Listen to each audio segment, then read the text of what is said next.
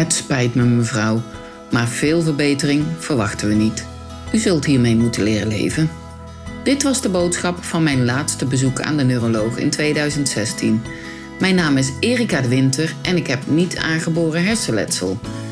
In deze podcast, De kracht van creativiteit, vertel ik over niet aangeboren hersenletsel en mijn weg naar herstel via creatief bezig zijn. Welkom en leuk dat je luistert.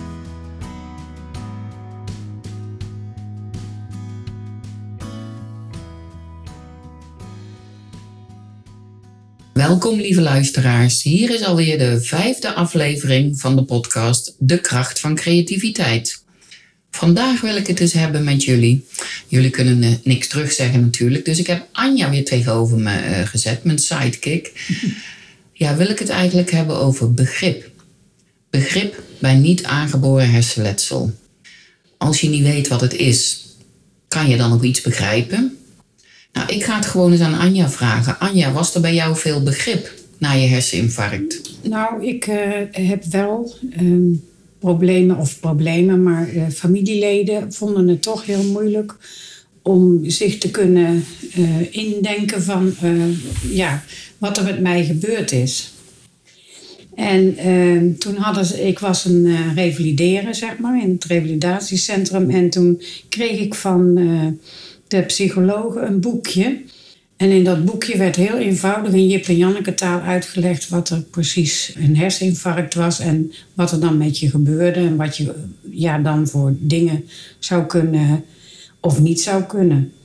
En uh, dat heb ik gegeven aan uh, mijn zwager en mijn schoonzus en die hebben het gelezen en daarna snapten ze veel beter van uh, schijnbaar kon ik dat zelf niet goed genoeg uitleggen. Ja. Uh, wat er eigenlijk gebeurd was en uh, hoe ze het beste daarmee om zouden kunnen gaan. Want het was natuurlijk voor hun ook, ja, ik was anders dan anders natuurlijk. Ja. ja. Ja, want je was de Anja na het herseninfarct, anders ja. dan de Anja voor het herseninfarct. Ja, klopt. Ja, dat is bij mij precies hetzelfde. Ja, heb ik veel begrip gekregen. Ja, sommige mensen snapten er niks van, want ze zien niks aan de buitenkant. Nee. En dan zeggen ze, en dat zeggen mensen vaak nu nog, Erika, maar ik zie niks aan jou.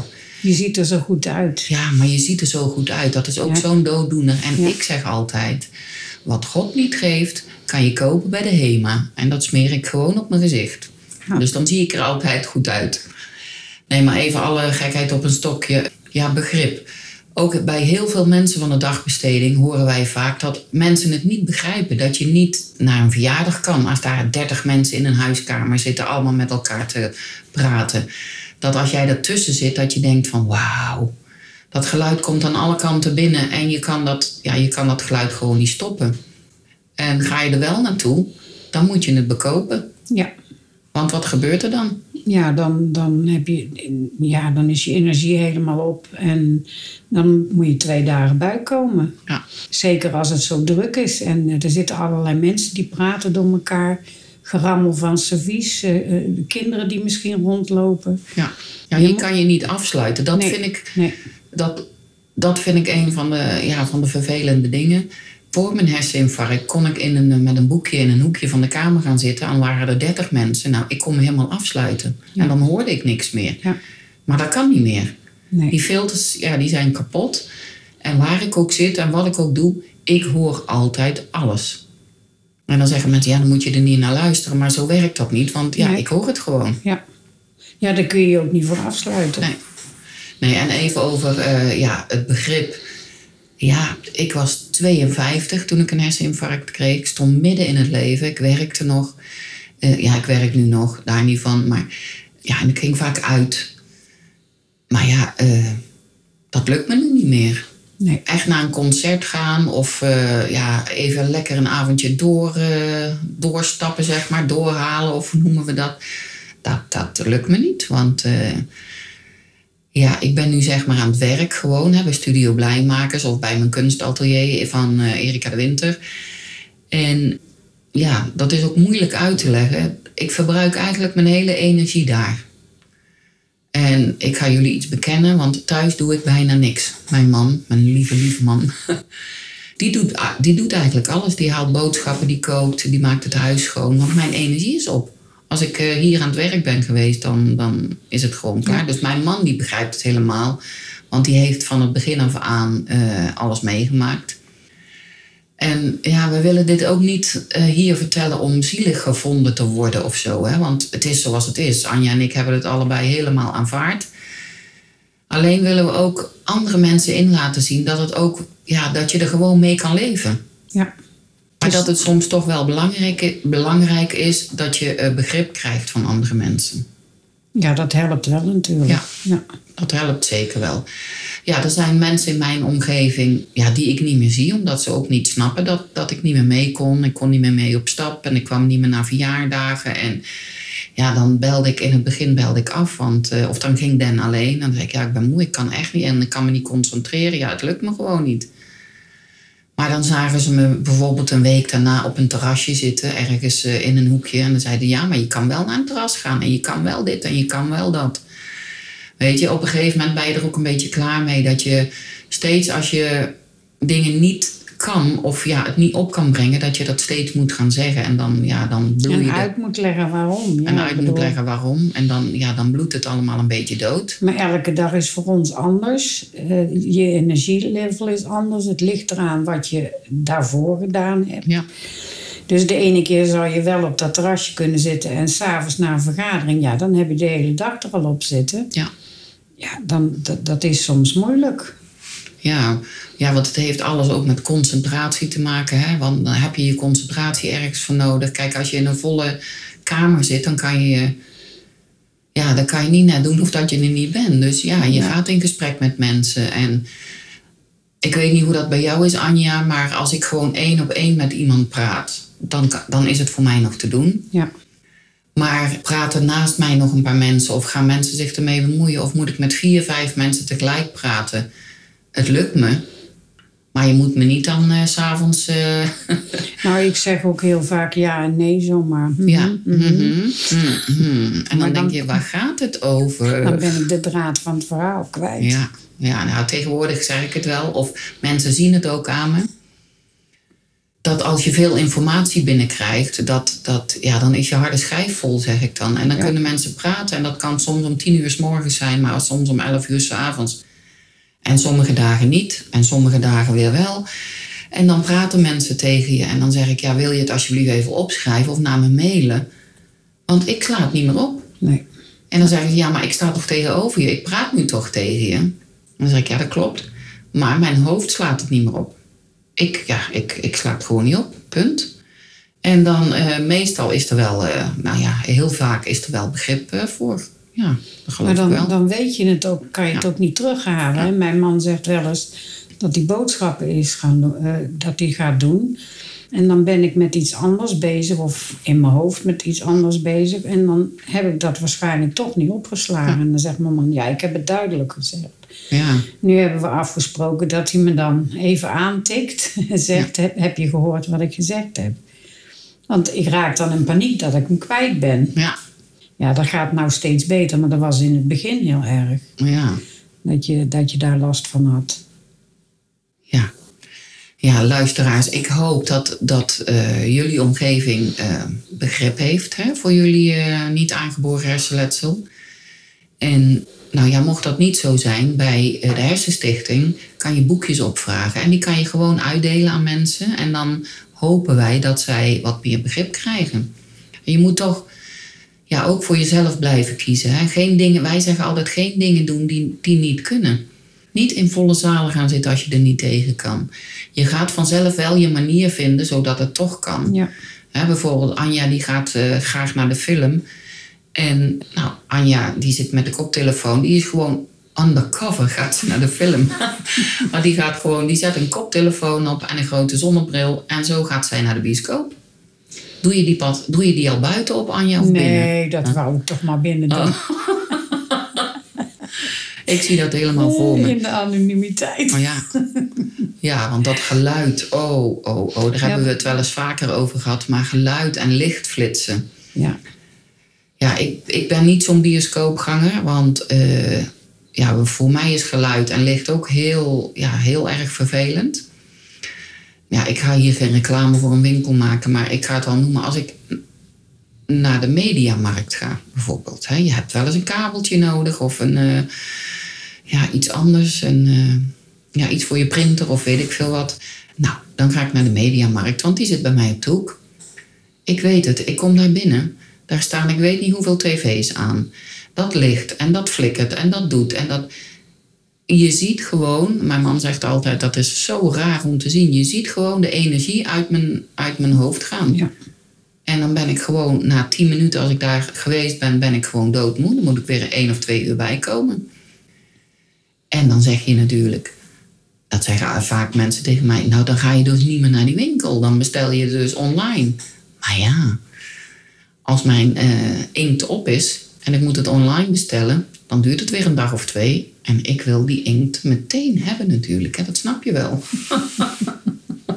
ja, lieve luisteraars, we hebben het nog steeds over begrip. Maar Anja, dus er is bij jou ook heel veel begrip, ook bij je oud-collega's en je familie. En, uh, Ja, maar ik Ja. denk dat, eh, dat het komt dat eh, mijn oud-collega's, eh, dat ik daar nog steeds eh, contact mee heb, omdat die allemaal in de zorg werkt, omdat ik in de zorg heb gewerkt. En dat die zich beter kunnen eh, ja, inbeelden van eh, ja, wat mij overkomen is en waar ik tegen aanloop. ja. ja, want ik ben ook niet boos op de mensen die, die er geen begrip voor hebben. Want het is vaak, mensen weten niet wat het is. En hoe moet je nou begrip opbrengen voor iemand of voor iets of voor een ziekte of een aandoening als je niet weet wat het is? Ja. Ja. mijn man heeft bijvoorbeeld ook een herseninfarct gehad, een jaar na, na mij. En die had altijd wel heel veel begrip voor mij. En die wist wel dat ik moe was. En toen zei hij, nou weet ik pas echt Wat het is. wat het Ja. is. Omdat En- hij het zelf mee had gemaakt. En dat snap ik heel, eh, ja, dat snap ik helemaal. Want als ze mij voor mijn herseninfarct hadden verteld over niet aangeboren hersenletsel. Ik wist, ik wist helemaal niet dat je een infarct in je hersenen kon krijgen. Ik, ik dacht alleen maar dat je een hartinfarct kon krijgen. Hm. Maar de- dus ook in je hersenen. Ja, dat is, ja, dat is gewoon gek. Zoals jullie weten hebben wij ook Studio Blijmakers. Hè, eh, dagbesteding voor mensen met niet aangeboren hersenletsel daar heeft iedereen begrip voor elkaar. Dat is altijd zo mooi om te zien. Ja. Als er iets gebeurt en dan zegt iemand: Oh, ik ben dit kwijt, of ik weet dat niet meer, of ik kan niet meer op een woord komen. En iedereen snapt het. Je hoeft nooit daar uit te leggen wat er aan de hand is, want mensen snappen gewoon als jij een dag ja, het, eh, het even niet meer ziet zitten of je bent echt hartstikke moe. Dan zeg je dat bij ons gewoon. Ja, eigenlijk hoef je dat niet te zeggen, want Nee, dat merk je aan ja, dingen. dat merk je, ja. Ja. Nou, jij vertelde net een, eh, toen we koffie aan het drinken waren, Ja, een verhaal dat een zoon er nu pas eigenlijk achter kon dat zijn vader dingen niet kon. ja. Dat, Ja. dat hij dat nooit begrepen heeft, zeg Nee. maar. Dat klopt. Ja, en dan, dan ja, ik, ik snap het. Maar daarom is het belangrijk dat als jij iemand, hè, eh, ik weet niet wie er allemaal luistert, het zou ook trouwens fijn zijn als je laat weten eh, of je luistert. Eh, je kan bij iedere podcast een eh, review achterlaten, je kan vragen stellen.